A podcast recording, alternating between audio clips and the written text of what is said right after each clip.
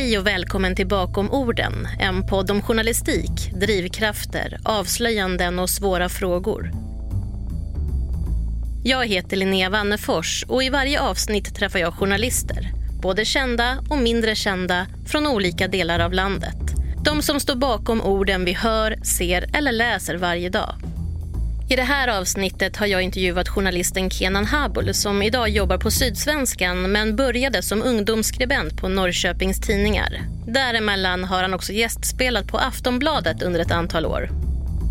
Vi pratar om kvällspressens styrkor och svagheter och om hur de annorlunda gräven inspirerar. Vi pratar också om journalister och mediehus som tar ställning i olika frågor. Som han själv gjorde i narkotikafrågan. Här kommer min intervju med Kenan Habul. Hur är läget med dig idag, Kenan? Det är bra. Det är måndag. Så det är bra, tror jag. Jag har inte bestämt mig än. Nej, det är ju lunchtid nu när vi spelar in det här. Men dagen har precis börjat, eller hur, hur har den sett ut för dig? Nej, alltså mina dagar börjar väldigt mycket tidigare eftersom jag har dels har två barn, dels jobbar jag numera för det mesta dagtid. Så jag har varit på jobbet i fyra timmar och hunnit både luncha och skriva och planera och tänka och en massa annat. Det låter lite så här djupt. Vad, vad jobbar du med just nu? Jag håller faktiskt på och skriver på några artiklar som blev över sen vi bevakade den uh, för, uh, desinformationskampanjen mot LVU. Och jag gick verkligen igång på den där storyn och försökte göra så mycket som jag bara kunde. Men sen kom Ukraina-kriget och flyttade fokus från det mesta. Men jag tänker ändå att jag ska försöka hålla igång det här. Jag har förstått att du skriver en del om krim, men du är ingen krimreporter. Nej, jag är absolut ingen krimreporter. Jag skriver faktiskt inte så jättemycket om krim. Däremot så tycker jag att vissa aspekter av kriminaliteten är uh, mer intressanta än andra. Jag tycker det här kopplingen mellan till exempel narkotikapolitik och kriminalitet är intressant. Integration och kriminalitet tycker jag är också väldigt intressant. Så, så jag är mer intresserad av, av vissa uh, specifika, vad ska man säga, Frågor. fenomen. Ja, ja, ja istället för att sitta och, och, följa det dagliga. Men, men det dagliga är förstås viktigt också för att då hjälper det en att se mönster lättare tror jag.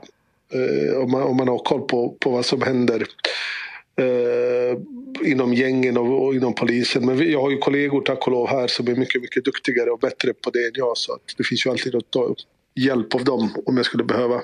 Jag förstår. Just den här frågan om droger och, och, politik tänkte jag vi ska komma in på lite senare. Men vill du bara ge oss en liten presentation? Vem är Kenan Habul? Uh, Kenan Habul är 41 år gammal småbarnspappa. Jag har två barn. Uh, jag är gift. Jag är journalist sen... Och jag började skriva redan 99 på ungdomssidan i Norrköpings Tidningar. Så det är snart 23 år sedan jag började med det här.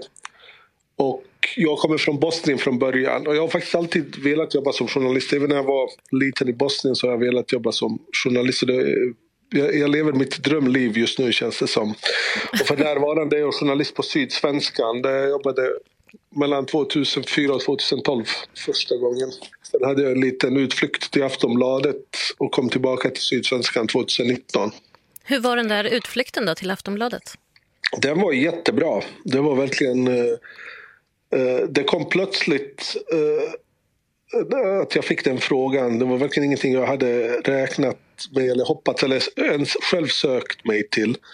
Men när jag fick frågan att komma dit så tog jag chansen direkt. Och jag har verkligen inte ångrat mig. Det var förstås otroligt slitigt. För, vi bodde kvar i Malmö, så min fru eh, och min dotter, jag hade en dotter då när jag började 2012, de bodde ju kvar i Malmö så fick vi ett barn. Vi fick vår andra dotter 2015. Så på så sätt var det otroligt slitigt, men själva jobbet har jag, jag har aldrig ångrat eh, att jag bodde på halvtid ska man säga i Stockholm och jobbade. Det blev ett litet gästspel liksom? Ja, det var ju ett gästspel som nästan varade i sju år och det är som sagt ingenting jag ångrar utan det var, det var otroligt lärorikt och det var väldigt häftigt att komma till ett sånt ställe där det fanns verkligen många resurser. Sen fanns det förstås saker som jag tyckte också funkade mindre bra. Men på det stora hela så måste jag säga att det var en fantastisk upplevelse. Något som jag absolut inte ångrar. Och något som har hjälpt mig att utvecklas som person och som, och som människa. Det låter väldigt klyschigt men det är faktiskt helt sant. Vad var den största, liksom, eh, den största lärdomen du gjorde då? Så den största lärdomen var ju just, har ju just med det här med resurser att göra. Eh, eh, det var ju att även om vi hade tillgång till enorma resurser så, så gick det upp för mig, vilket var också en anledning till att jag valde att flytta tillbaka till Sydsvenskan, att det är inte alltid resurserna det hänger på i form av att du ska ha du vet, att du ska kunna hyra dyra bilar eller du ska kunna åka på dyra jobbresor.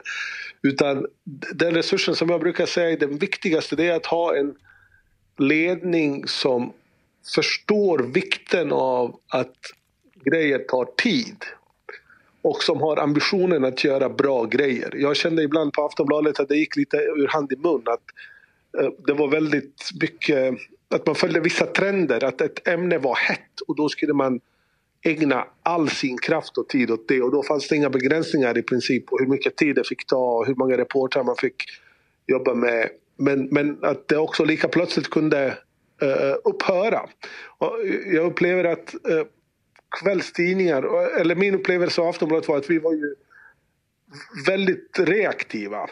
Uh, ibland på, på Eh, att, man, att, att man dröjde med att uppmärksamma saker och ting som journalistiska stories förrän de blev historier av sig själva. Antingen att någonting växte sig så stort som till exempel den här tiggarfrågan eh, eller att, att någon annan började skriva om det. Jag tänker både på, på till exempel IS, jihadister, jag tänker på, på, på kriminaliteten i Stockholms förorter. Så, så det, men å andra sidan är, är ju kvällstidningarna oslagbara. Både vad gäller att ta sig an en stor fråga men också sättet de presenterar den och skriver. Alltså, de, de är otroligt bra på, på finishen skulle jag säga. Och det, det är en viktig lärdom för min del liksom, att lära mig. Och, och förstås det här att jobba snabbt, att snabbt ställa om. Att man bara liksom, från ena stunden till den andra säger att nu måste vi göra det här. Och då riktar sig alla alla fokuserar på det. Det tyckte jag var det mest fascinerande faktiskt. Mm, kan tänka mig det. Men eh, jag menar, så som du jobbar idag, ehm, kan man tänka sig att sådana såna här utbyten borde ske oftare? Jag tänker att vi har ju någonting att lära, vi säger, men, men journalister har någonting att lära av public service, av vanliga kommersiella tidningar eller mediehus och sen så även kvällspressen då, som, som du kallar det.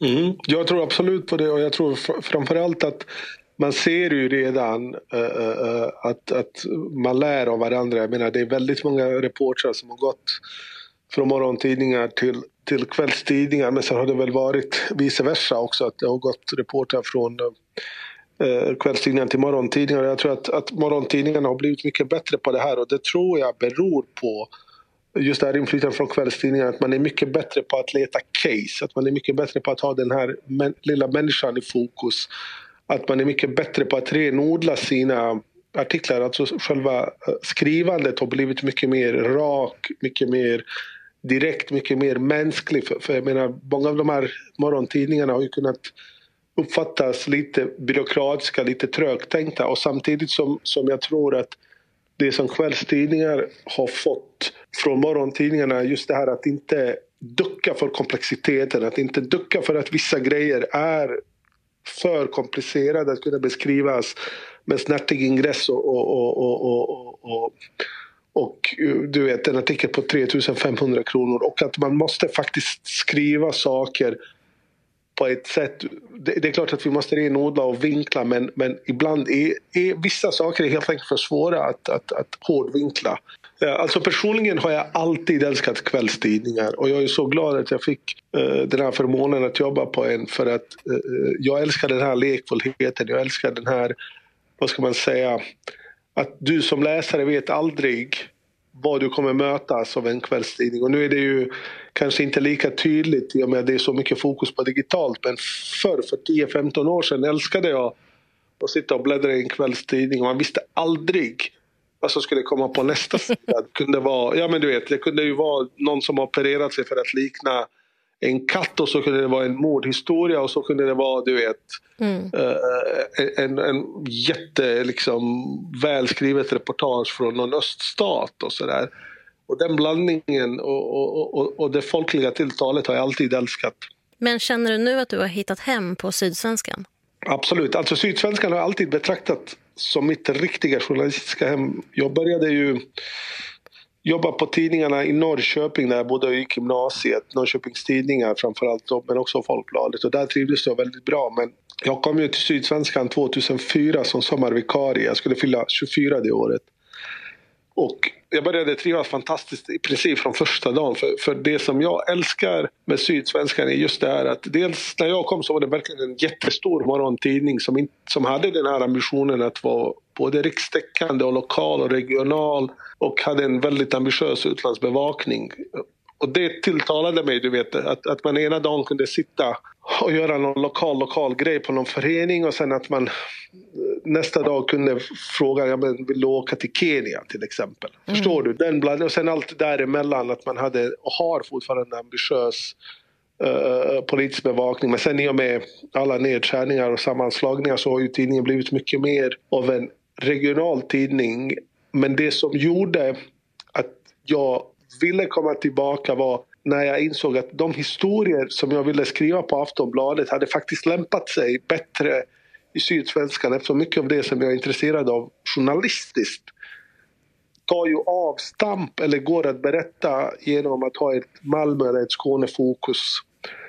Och som jag var inne på redan i början, det som jag älskar här är att tidningen har ju en tydlig ambition att ha en egen grävgrupp och jag menar, de är ju otroligt framgångsrika. Att vi har ju den här ambitionen att berätta och fördjupa saker. Och att jag får tid och att jag har chefer och kollegor som är otroligt kompetenta och stöttande. Och sen är det ju så, i och med att jag har varit eh, här sen jag var alltså 23 år, så har jag i princip vuxit upp på, på den här tidningen. Även under tiden jag var i Stockholm så hade jag åtminstone kontakt via nätet med flera av, av, av, av de som jobbar här. Så, så, så att jag trivs här både rent professionellt, men jag tycker verkligen jättemycket om de här människorna. Jag tycker om den här tidningen, jag tycker så mycket om den här stan också. Så att det är ju det som är den främsta anledningen. Att det känns som att Sydsvenskan och Malmö går ju lite hand i hand och anpassar sig, utvecklar sig tillsammans. Så det är också viktigt för mig att det känns som att det är en väldigt urban tidning. Och jag menar Malmö är ju en riktig stad där det händer så mycket mm. som jag vill vara med och skildra. Jag tänkte vi skulle prata lite om det här med din inställning till droger som du var inne på mm. lite tidigare. Och mm. Om jag har läst rätt så var det förra året du gick ut och var ganska öppen om det här. Vill du berätta vad det handlade om? Nej, men alltså, det, det, det, jag vet inte om det var förra eller för förra året, men jag har ju som sagt eh, skrivit en hel del om kriminalitet och brottslighet och det började gå upp för mig att många av de kriminella som jag skrivit om här i Malmö framför allt. De blev ju tungt kriminella när de började handla med droger och eh, ofta började de bruka, eller i många fall faktiskt missbruka droger. Så det gick ju hand i hand. Och det var då jag började fundera kring om vår narkotikapolitik är bra. Och så landar det i slutsatsen att nej, den är faktiskt eh, väldigt ineffektiv, den är väldigt kontraproduktiv, den är väldigt dyr. Och framförallt så leder den inte till att några av de här resultaten uppnås. Eller syftet med den ska ju vara att färre brukar, att folk får vård. Och de resultaten, den lilla forskning som finns visar ju att så inte är fallet. Och då tänkte jag att man måste ha en ny politik. Jag menar, jag personligen tycker till exempel att man lätt skulle kunna legalisera cannabis. Men jag förstår också att frågan är känslig och åtminstone så anser jag att den bör utredas ordentligt. Och då menar jag verkligen en utredning så som många forskare faktiskt förespråkar. Så det här är ingenting som jag själv har kommit på.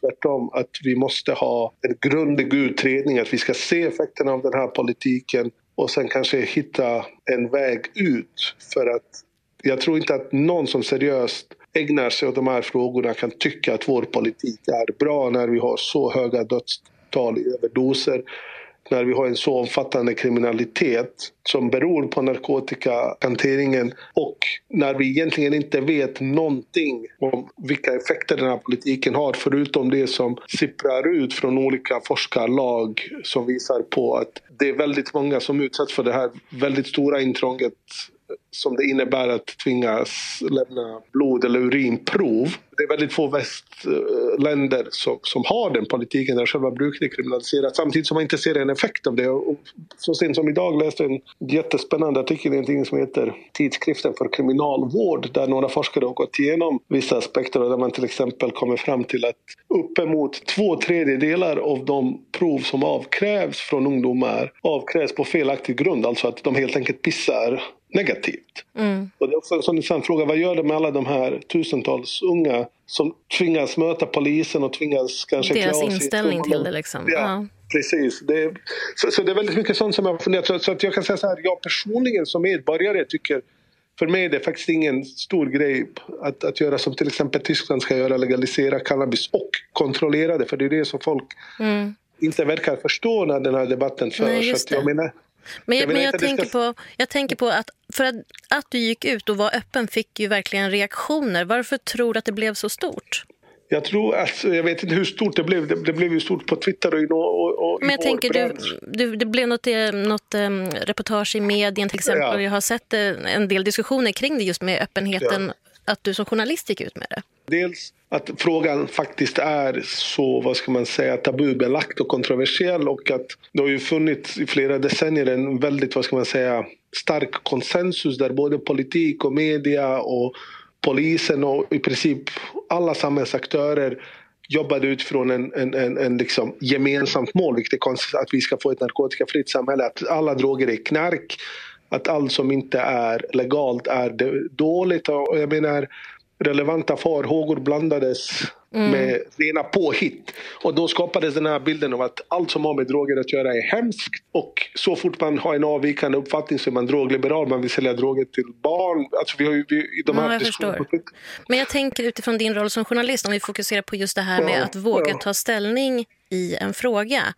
Um, vad betyder det för dig att gå ut och vara så öppen? Jag kände en sån frustration över att den här frågan behandlades och behandlas, nu, nu har det blivit förstås mycket bättre, på ett väldigt ytligt och okunnigt sätt. För jag känner så här att det här är en så stor fråga där det finns väldigt mycket att göra journalistiskt men som folk antingen eh, är frågan perifer så man tycker inte det är viktigt. Eller så finns ju den här risken att man inte vill uppfattas som drogliberal. Och jag insåg att jag är så insnöad i det här att jag kan inte låta, jag kan inte skri- göra liksom journalistik av det för att jag är väldigt, jag har verkligen tagit ställning i det här och då tänkte jag men då är det lika bättre att jag är öppen och går ut och säger vad jag tycker och så får jag ta konsekvenserna att jag förstås inte kan skriva om det. Mm. Och jag tror att, att reaktionerna, blev, att, att det blev en grej av det, tror jag beror på dels att själva frågan är tabu och känslig. Men också det här att vi har ju den här bilden. Och när jag säger vi så menar jag vi svenska journalister att vi ska vara objektiva och neutrala och, och, och, och allt det där som, som jag tror förstås är mycket mer komplicerat än så. Jag tror inte det är någon som tror på objektivitet. Däremot så är det viktigt med konsekvensneutralitet. Men jag själv kände att jag blev så insnöad i det här och, och jag menar att jag, har, jag, jag upplever att det är så många fel med den här politiken att det inte räcker längre med att bara försöka låtsas som att det här är ytterligare en sån å ena sidan och andra sidan fråga. För mig är det verkligen inte en å ena sidan och andra sidan fråga. För det finns så mycket som jag anser är grundläggande fel i både liksom hur lagen och politiken är utformade och framförallt de här resultaten, att vi har de här enorma dödstalen, att vi har den här enorma kriminaliteten. Det mesta som kommer ut, både från polisen och från forskare, tyder på att bruket är mycket högre än det är själva grunden. Och sen finns det en annan aspekt och det är också en högst personlig grej. Jag har väldigt svårt för moraliserande. Framförallt moraliserande utan grund. Att vi har ju fortfarande den här bilden av att alla droger är knark och att knarkaren är någon som är liksom, du vet, moraliskt svag, att det är en förtappad person, att det är någon som man ska liksom i bästa fall tycka synd om, i värsta fall straffa. Du vet. Men, jag, har, jag har svårt för den bilden också. Ja, jag förstår det. Men finns det någon annan fråga, du behöver inte säga vilken, men alltså, skulle du rent, rent teoretiskt kunna gå ut och ta ställning i någon mer fråga och vara öppen eller så i någon annan fråga? Eller var det just den här nej, frågan som var speciell? Liksom? Den här frågan var ju speciell och jag menar jag förstår att, att, att det, det, det, finns ju hur många problem som helst med att gå ut och ta ställning i en fråga. Jag ska verkligen försöka avhålla mig från att göra det. Men om du, om du tittar på situationen idag. Hur många jag tänker på kriget i Ukraina. Där har du väldigt många journalister som har tagit ställning. Mm. Där har du väldigt, du har ju hela mediehus som antingen har hängt ukrainska flaggor eller som, som har låtit sina reaktioner lysas upp. I, i, alltså i ukrainska flaggans färger. Och, och, jag menar, jag, jag, tycker precis som alla andra att alltså, invasionen är förkastlig. Putin är en, en diktator. Men här har man ju ändå tagit ställning på ett väldigt, väldigt tydligt sätt. Så att jag menar att det finns också ett visst mått av hyckleri i, i hur vi hanterar vissa frågor. Att vissa frågor är det väldigt lätt att avfärda uh, de som har tagit ställning och predika om det är viktigt med konsensus eh, neutralitet och sådär. Medan andra frågor när det kommer närmare en. Jag tror, det, jag tror att det helt enkelt beror på det att det kommer närmare en själv och då är det väldigt mycket lättare att ta ställning och argumentera för det. Och det är självklart att eh, Putins invasion i Ukraina är en mycket större fråga än huruvida folk ska få röka gräs eller inte. Men jag menar, mm. det finns ju någonting i själva fenomenet och rent principiellt som är intressant att jämföra dem. Men jag själv tänker inte bli en sån reporter som tar ställning i en massa frågor. Men jag tycker också det blir löjligt om vi ska låtsas som att vi inte har några åsikter. Jag menar, Nej, vi är människor och har en bakgrund och, och så. Ja, och plus att, att, i vårt jobb så läser vi mycket. Vi, vi läser, vi reser vi tänker mycket. Så att, mm. menar, det vore ju jättekonstigt om man inte hade... En enda åsikt. Ja, eller om man inte processade allt det där, som, alla dessa intryck, om man inte processade dem på något sätt. Mm. Men som sagt, jag uppmanar verkligen inte folk att börja ta ställning till frågor så, politiska sakfrågor till höger och vänster. För det, det, jag ser väldigt många risker med det också faktiskt. Men om vi leker lite med tanken då. För eh, om man nu öppnade upp så att journalister tog ställning eller gav uttryck för åsikter eller ja, men följde ditt exempel. Det, det skulle inte ge någon bra effekt menar du? Jag tror att, att allt beror på hur man hanterar det. Jag tror att du visst kan ta ställning i enskilda frågor om du är dels öppen för det Framförallt också mot de du ska intervjua som kanske, jag menar, man måste också tänka på att, att mycket av de här diskussionerna utspelar sig på Twitter. Och det är en väldigt, väldigt liten del av svenskarna som är där mm. och framförallt eh, gissar jag att det är en väldigt liten del av dem som man kanske kommer träffa i sin yrkesroll som har ens en aning om vem jag är eller vad jag tycker. Så att så länge man är transparent skulle jag säga, så länge man är öppen med det, så länge man kan argumentera och försvara alltså sin, eh, sin ståndpunkt så tycker jag att det, det, det, det, finns en logik i att, eh, eller inte en logik, men, men då tycker jag att det kan vara okej. Okay. Men då måste man, tror jag, tänka igenom det här noga. Mm, jag men jag förstår. jag förstår att det skulle bli kaos om alla journalister började ta ställning till höger och vänster. Mm. Framförallt för våra chefer när de ska liksom välja vem som kan göra ett visst jobb. Så att jag menar, det är inte så att vi bara är en massa liksom, du vet, uh, uh, Twitter, uh, Twitternamn som bara delar ut våra egna artiklar. Det, det, det Nej, funkar det. inte så heller. Nej. Vad tänker du om din karriär hittills? Alltså jag har aldrig sett på det här som en karriär. Det låter så klyschigt också. Men jag har alltid velat ha det här jobbet. Så för mig har det alltid varit en ynnest att överhuvudtaget kunna befinna mig på en redaktion. Men vad är du mest stolt över då? Alltså jag är mest stolt över att jag överhuvudtaget har kunnat få det här jobbet.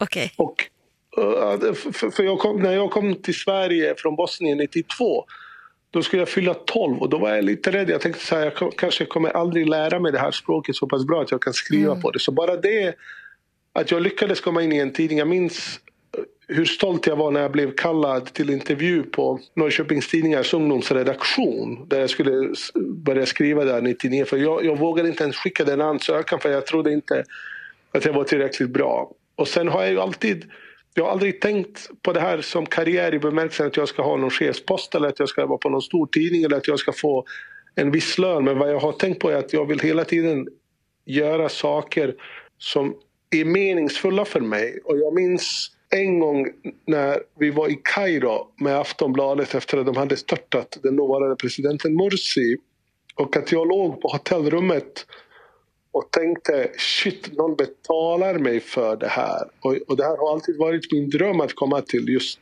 Kairo för jag har läst islamologi, jag är väldigt intresserad av Mellanöstern, jag är väldigt intresserad av politik. Och jag minns också att det var på den jobbresan som min fru ringde och sa jag förstår att ni jobbar jättehårt men bara så du vet, du har inte ringt hem på tre dagar. Mm. Och för mig var det stort. Det var ju mitt karriärmål att prova på du vet, att åka till häftiga ställen om man får uttrycka sig så. Och verkligen vara på plats och uppleva stora skeenden. Jag har aldrig liksom dragits av det här uh, att bli någon krigsreporter. Dels är jag liksom feg. Okay. Dels har jag, ja, men jag, jag, jag, känner liksom inte den lockelsen att jag ska stå där eh, uh, vid frontlinjen. Men dels är det också så att jag, jag hade turen att överleva Sarajevo och slippa det tack vare min mamma som tog ut oss i början av kriget. Så jag kände varför ska jag riskera mitt liv genom att söka mig till nya krig. Så det är inte det som jag har varit, men just det här att kunna åka ut och se med egna ögon. Det har jag tyckt alltid har varit otroligt häftigt. Så, så det är det som är mitt karriärmål kan man säga. Den här drömmen jag... som finns liksom. Jo, men det är inte bara att åka utomlands utan den här drömmen att jag ska ha en mening och det tycker jag att jag har. Du har ju berättat om eh, var du kommer ifrån och var du är uppvuxen. Du kom till Sverige när du var 12 år eh, och att journalistiken alltid har funnits där. Varför var det här ett yrke som lockade? Jag tror att det helt enkelt beror på att jag har en farbror. Eh, nu är han pensionär, men han var ju journalist i Bosnien och han jobbade på den här eh, stora tidningen i Sarajevo som heter Slobodjenia som kom ut även under kriget varje dag. Och jag minns den här tiden eh, när Jugoslavien höll på att falla samman hur han jobbade jättemycket. Han reste, han, han, han, han, ah, vi bodde nära parlamentet i Sarajevo så han kunde komma hem till oss sent på kvällen efter att de här eh, politiska mötena var avslutade. Och jag tyckte att det var så fascinerande att någon befann sig eh, i en miljö där man kunde vara liksom, där stora beslut fattades. Och att han hade, jag hade den känslan av att han visste mer än vi andra. Också att det var dynamiskt för mina föräldrar, min pappa är elingenjör, min mamma är företagsjurist. Jag tyckte inte deras jobb, de var ju förstås meningsfulla för dem, men de gick upp klockan sex och åkte och jobbade hela dagen, kom hem och så var jobbet avslutat. Även om min pappa jobbade i Libyen och, och de byggde trafostationer där. Så det fanns även en spänningsmoment men det var ingenting som kunde jämföras med den här romantiska bilden om att någon var hela tiden igång, hela tiden ägnade sig åt det som folk pratade om. Det kanske var det som jag tyckte var fascinerande att han jobbade med någonting som folk faktiskt ville veta och det gjorde att jag också ville göra det. Plus att jag alltid har varit nyfiken och alltid älskat att läsa. Jag har alltid älskat att ta reda på saker. Och jag brukar säga att det här jobbet är det bästa för att du får faktiskt betalt för att stilla din egen nyfikenhet. Jag tycker det är det mest fascinerande. Mm. Det tänker jag väldigt ofta på. Jag menar som nu när det är Ukraina-kris. Du vet, jag får en idé att skriva en artikel om vilka kopplingar det finns till krisen i före detta Jugoslavien och så finns det en forskare på Lunds universitet och så åker jag dit och träffar honom och han ställer glatt upp i mm. över en timme och svarar på mina frågor. Förstår du? Jag vet precis vad du menar. jag vet precis vad du menar. Att få vara sådär genuint nyfiken och nästan lite nördig och grotta ner sig i det man själv tycker är intressant. Liksom. Precis, och sen kan man helt plötsligt tröttna på det och börja tänka nu, nu vill jag lära mig någonting om NATO, jag kan ingenting om NATO och då ska jag sätta mig ner och läsa in mig på så ska jag försöka hitta folk som kan det här tusen gånger bättre än jag och så ska jag försöka skriva det.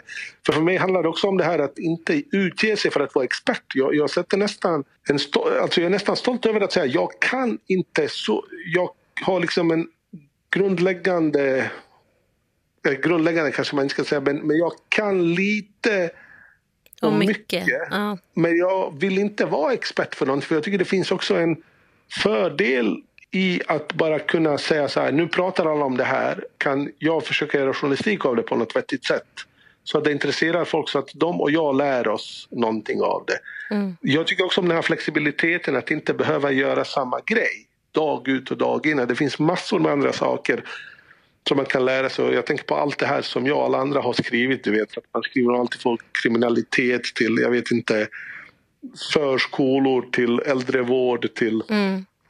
Pandemi och sen skickas man till någon så här RFSLs kväll för nyanlända. Alltså jag älskar den här dynamiken och eh, hur saker och ting hela tiden händer. Att, att man känner att man varje dag gör man någonting nytt. Och jag gillar också det här att komma till jobbet och inte veta hur arbetsdagen ska se ut. Ofta. Nu är det inte lika mycket som det var förr, men just det här att man går till jobbet och så har du, när vi, var på Aftonbladet så hade man ju ofta pass med sig. För du går till jobbet och du vet inte vad som kommer hända. Alltså ett, ett resepass för att resa någonstans? Ja. ja. Aha. Så pass så det, alltså? Det tyckte, ja, men det var lite så här Tintin-grej, du vet. Jag tyckte det var coolt mm. och häftigt. Jag tycker mm. fortfarande det är coolt och häftigt. Men angående det här med nyfikenhet. Du har pluggat islamologi och statsvetenskap, mm. om jag förstår det rätt, både på Lunds och Linköpings universitet. Mm.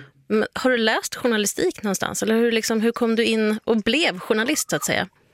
Alltså jag, jag, som sagt, jag, jag läste ju mediaprogrammet på gymnasiet. För mm. jag ville verkligen, jag hade siktet inställt på journalistiken redan efter nian. Och sen uh, började jag då skriva för uh, den här ungdomssidan på Norrköpings Tidningar redan när jag gick i trean. Mm. Och sen började jag jobba. Jag gick ju den långa vägen. du vet. Jag fick hoppa in en lördagkväll och så fick jag hoppa in en uh, kväll som kvällsreporter och min första kvällspass var ju fullständig katastrof. Jag visste ingenting. Men, men jag fick fortsätta, du vet. Jag fick mm. fortsätta mm. och när jag väl bestämde mig för att söka sommarjobb på Sydsvenskan, då sa min mamma som då jobbade på Arbetsförmedlingen att du måste ha något papper på att du jobbar som journalist. För tänk om det kommer någon tid och de kommer liksom välja mellan de som har examen och de som inte har examen.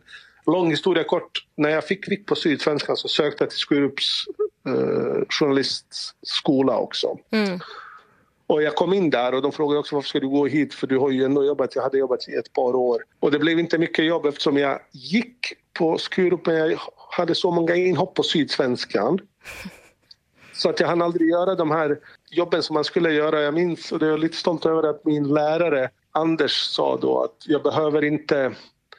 Jag, jag kommer inte liksom kräva av dig, vad han sa, att du lämnar in de här uppgifterna för jag läser vad du gör i Sydsvenskan. Mm. Så jag, gick, jag, jag, har någonstans ett papper på att jag har gått Skurup.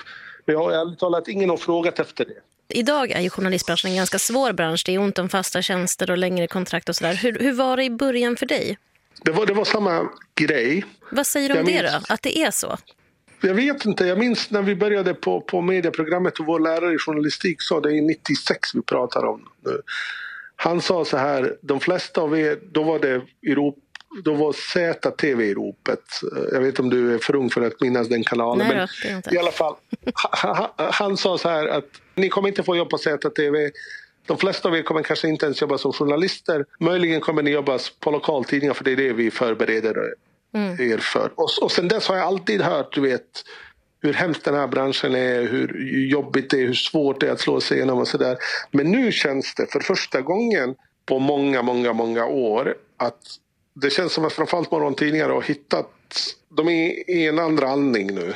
Och det känns otroligt skönt att gå in i ett krig, om jag får säga så, och i en valrörelse med vetskapen att min tidning går bra.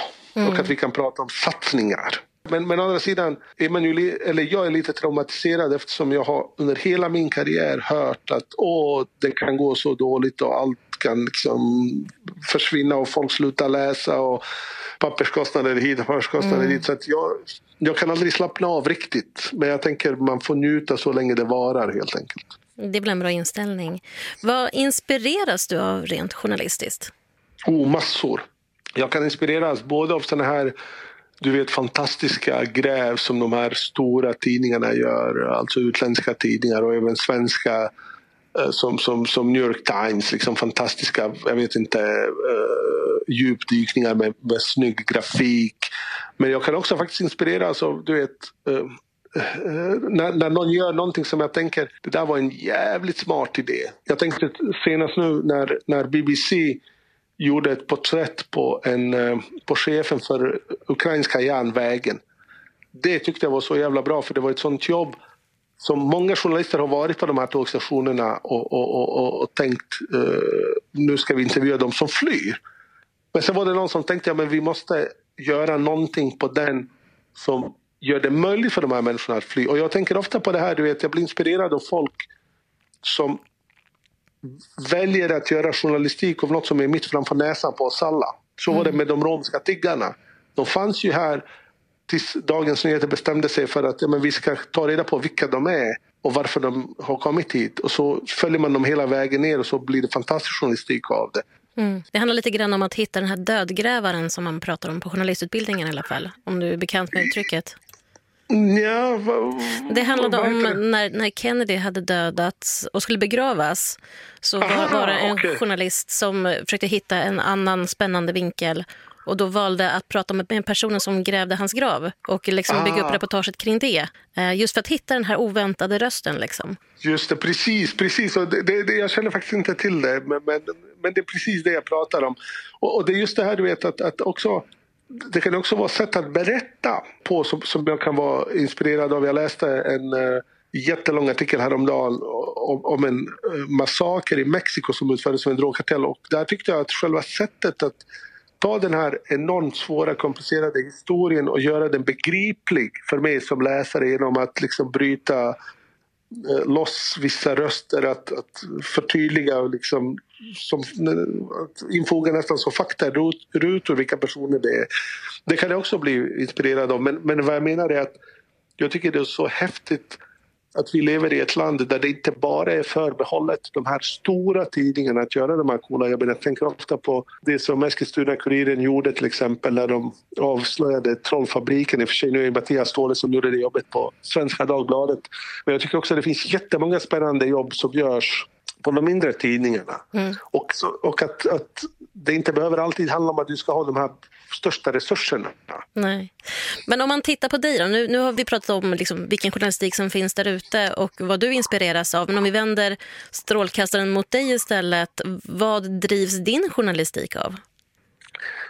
Helt ärligt, jag önskar att, att, att jag kunde säga åh, du vet, det är min vilja att förändra samhället avslöja orättvisorna. Men det är en mycket mer banal anledning till att jag är journalist och det är helt enkelt så att jag älskar att resa, läsa och ta reda på saker. Det är det som, som jag drivs av. Jag drivs av det här att jag kan lära mig saker på arbetstid. Att det här är ett, ett fantastiskt yrke där ena dagen aldrig är den andra lik. Mm. Och att jag alltid kan, vad ska man säga, att jag kan sitta och läsa någonting hemma på fritiden och så tänker jag shit, det här skulle man kunna göra en artikel av. Men det, måste, ja, men det måste finnas någonting. För jag menar att, att sitta själv och läsa och ta till sig är ju en sak. Men att sen vilja föra vidare det till tittare, läsare eller lyssnare är jo, en annan sak. Det, det, precis, alltså jag, vill, jag, jag älskar absolut. Jag sitter alltid och kollar på, på på vad heter det, statistiken för mig. Det är jätte, jag blir alltid jätteglad när, jag, när mina artiklar blir lästa och kommer att bli lästa länge. Eh, men, men min främsta drivkraft är ju ändå det här att jag tycker att världen är full av så spännande berättelser och att jag faktiskt har möjlighet att eh, ta, ta reda på de här historierna och berätta dem för andra. Men, men helt ärligt så, så är ju mycket av det här någonting som kommer inifrån.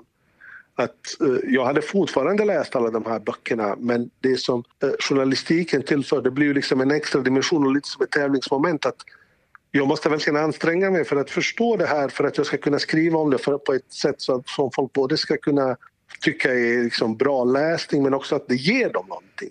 Mm. Och, och, och jag älskar just det här att skriva berättelser där fördomar ställs på ända eller där man tvingas vad ska man säga, få ett nytt perspektiv på saker och ting. Jag förstår. Sånt, sånt, det, det, är väl det som är mina främsta drivkrafter. Vilket är ditt största journalistiska misstag då? Och jag har gjort massor, men jag har faktiskt aldrig gjort ett sånt misstag där jag har liksom... Jag kan inte komma på något sånt misstag, du vet att jag har sagt nej till ett jobb och att det sen har blivit jättestort. Ja, men jag tänker kanske snarare att man har um, snubblat på orden, formulerat sig fel, fakta eller jag vet inte vad. Inte glömt ställa en jätteviktig fråga kanske, eller jag vet inte. Mer liksom handfast, ja. konkret i ditt jobb som journalist. Jag, jag, jag, har, jag har något fel i huvudet att jag kan ibland stava fel på folks efternamn. Så, så jag minns när jag gjorde något porträtt på Nooshi Dadgostar att jag stavade hennes efternamn på många sätt fel. okay. och, och sen är det alltid så. Det är alltid så, du vet jag menar så sent som i helgen hade jag en artikel som jag läser efter den är publicerad och så säger jag en massa så här konstiga formuleringar uh, upprepningar och så. Men jag försöker komma ihåg. Jag har säkert gjort mycket större misstag än så här, men jag kan inte minnas på rak arm det rapporteras mer och mer om hat och hot mot journalister. Vad tänker du om att journalister drabbas av det? Alltså det, det är förstås hemskt på, på, på alla sätt. och Framförallt är det hemskt för våra kvinnliga kollegor, tänker jag, som jag tror är mer utsatta, men också för män som uh, har fått så pass allvarliga hot att vissa har till och med tvingats lämna sina hem uh, i, i, i perioder. Så, så det är ju det, det, jag tycker inte det, det, finns, det finns liksom inga förmildrande omständigheter. Jag, jag, tycker att vi journalister ska vara beredda för kritik. Vi måste stå upp och förklara hur vi tänker och jobbar och det är bland annat en anledning till att jag ställer upp på den här intervjun just för att jag tycker att vi som kräver svar av folk måste också kunna förklara hur vi jobbar, hur vi resonerar. Men med det sagt, alltså väldigt många människor bland våra läsare och tittare där ute. Eller väldigt många, jag ska inte säga det för jag vet inte exakt hur många de är. Men, men det är en del människor som går över alla tänkbara gränser och, och det tycker jag är helt förfärligt på alla sätt. Och jag har inga problem med att polisen och andra går in och försöker stävja det där. Jag, jag, jag tycker att det, det, är ett, det, är ett, problem som växer och det är ett problem som borde tas på, som inte kan tas på något, på nog stort allvar ska jag säga. Har du själv blivit drabbad av hat eller hot? Alltså jag har fått massor, massor, massor med mejl som tangerar, som, som är definitivt hatiska. Men regelrätta hot har jag faktiskt inte drabbats av. Jag hade Aftonbladets säkerhetsfirma hemma en gång efter att jag skrivit om en kriminell i Malmö. Han hörde av sig. Men han hotade inte mig direkt, det kan jag inte påstå. Mm. Men jag har, jag, har, jag har aldrig drabbats av ett hot som har gjort att jag har fått ändra mitt liv. Jag har däremot haft perioder där jag har liksom varit lite mer försiktig så att säga. Där man har tittat sig lite extra så här. Men, men jag, jag har alltid valt att vara helt öppen med både mina uppgifter och telefonnummer och så. För jag kände så här, min, min tanke var att det är mycket lättare att skydda sig om man är öppen. För jag har tänkt så här att om någon som kan och vill skada mig, då kan inte jag gömma mig. Jag menar, det, det, det, finns ingen som heter som jag i Sverige. Nej. Och jag tänker också så här, jag kan inte liksom begränsa mitt liv. Jag vägrar flytta från stan. Du vet. Mm. Men, men, jag, men jag ska säga, jag har inte skrivit så mycket om den typen av ämnen där det verkligen finns folk som kan skada en. Nej, jag förstår. Vad, ehm, vad tycker du om här, ehm, den här journalistiska förtroendefrågan då? Att många saknar förtroende för journalistiken idag? Vad tänker du på mer Är det någon särskild... Eh, Nej, jag tänker generellt och jag kan tillägga att eh, i början inför arbetet med den här podden så gjorde jag en undersökning på sociala medier där jag ställde fråga eller en enkät i mm. olika grupper um, som ganska tydligt hade tagit ställning för eller mot journalistik och uh, ville ha lite input från dem vad de tycker att journalistiken brister i eller vad de tycker är bra och det har jag lite grann baserat mina frågor på i den här, mm. i den här podden, den här poddserien. Eh, mm. Och en av sakerna man lyfte var att, att man inte har förtroende för journalistiken, att den inte är objektiv, eh, att den inte drivs av en agenda, att den inte liksom har ett, ett driv bakom. Liksom. Um, mm. Är det någonting du känner igen, kanske vi ska börja med att fråga? Ja, alltså jag, jag har ju varit med om diskussioner på Twitter nyligen faktiskt om just det här huruvida vi har liksom en förutfattade meningar som återspeglas i vår, i vår bevakning. Och jag ska säga så här, jag tycker att diskussionen är bra vettig och viktig att föra så länge de personer som anklagar oss journalister för att vi ska ha en massa förutfattade meningar är medvetna om sina egna förutfattade meningar och sina egna anledningar till att de för den här diskussionen på, på, på eller eh, startar den här diskussionen. Sen tycker jag också att diskussionen blir mycket bättre om den handlar om konkreta saker. Inte det här svepande, ni ljuger eller ni är vänster eller ni är höger eller ni är si eller ni är så. Mm. Jag tycker det är bättre att försöka ta, ta, komma med konkreta exempel på jobb uh, som, som folk menar att, att där kan man verkligen se hur journalistens egna förutfattade meningar eller liksom politiska sympatier lyser igenom. För som journalist så, drabbas, så, så upplever jag i alla fall ofta att folk kommer och säger väldigt, påstår en massa saker om journalister. Och sen säger de i nästa mening, men jag läser inte tidningar.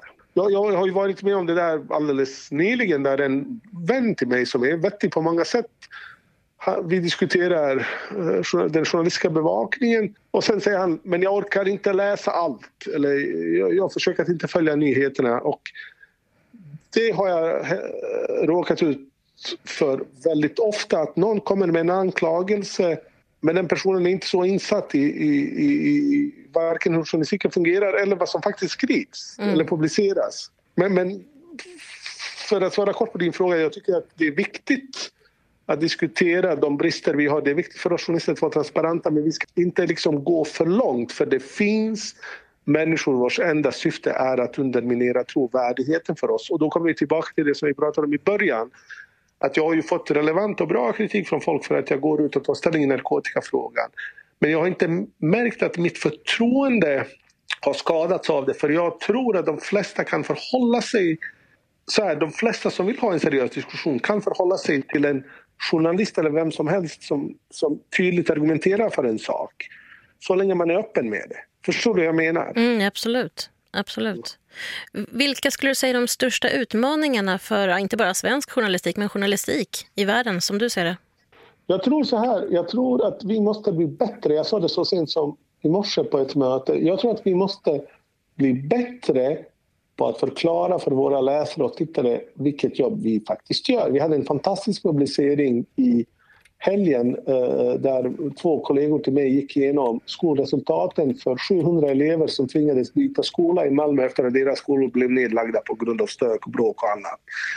Och jag tänker så här, våra läsare ska förstås inte behöva bekymra sig om, om allt vi gör, hur mycket jobb vi lägger ner på samma sätt som jag kanske skiter i om min bagare har haft en dålig natt eller om han inte har fått mjöl eller sådär. Men jag tror ändå att vi måste vara bättre på att förklara hur vi jobbar, hur mycket jobb vi faktiskt lägger ner på vissa grejer. Hur många resurser det slukar. Och att, och att det jobbet inte skulle göras av någon annan. Om inte Sydsvenskan fanns i Malmö så hade ingen gjort det här jobbet, det är jag helt övertygad om. Helt enkelt för att de inte har resurser. Och det är det jag menar att vi måste bli bättre på att förklara för folk. Och samtidigt måste vi förstås vara ödmjuka inför våra egna brister och inför det faktum att nu när du har sociala medier så har du liksom hundratals, kanske tusentals potentiella redaktörer. Vissa har onda avsikter, men inte alla. Och jag tycker att man ska lyssna på relevant kritik. Jag är jätte, jätteglad över att finnas på Twitter. Jag kanske tillhör fåtalet. Jag verkligen gillar Twitter just också av den anledningen. Att om jag skriver något som är lite slirigt eller något som, som där jag har varit slarvigt eller något som jag helt enkelt inte har bra koll på så kan jag räkna med okej, okay, det kanske kommer några kommentarer, säger din jävla idiot. Men det kommer också komma de här som kan det här som kommer säga men vänta nu, du har ju liksom stavat fel där eller du har missförstått den här frågan eller har du tänkt på mm. den här aspekten? Och det jag tror att vi måste bli vi ska inte lägga oss platt för de här som vill underminera oss. Men samtidigt måste vi försöka hitta den här balansen mellan att vara lyhörda och arroganta. Förstår du? Att, att, att, att, eh, eller hitta balansen mellan att, vara, att stå på sig själv men inte uppfattas som arrogant det tror jag är också viktigt för oss att, att faktiskt ta till oss den relevanta kritiken som vi får. Du har precis hört ett avsnitt av podden Bakom orden. Om du gillar den får du gärna dela så fler kan få möjlighet att lyssna och jag kan få spridning på podden. Både mig och podden hittar du på sociala medier, bland annat under hashtaggen bakom orden. Lämna gärna en kommentar eller ett önskemål om en framtida gäst. Vi hörs!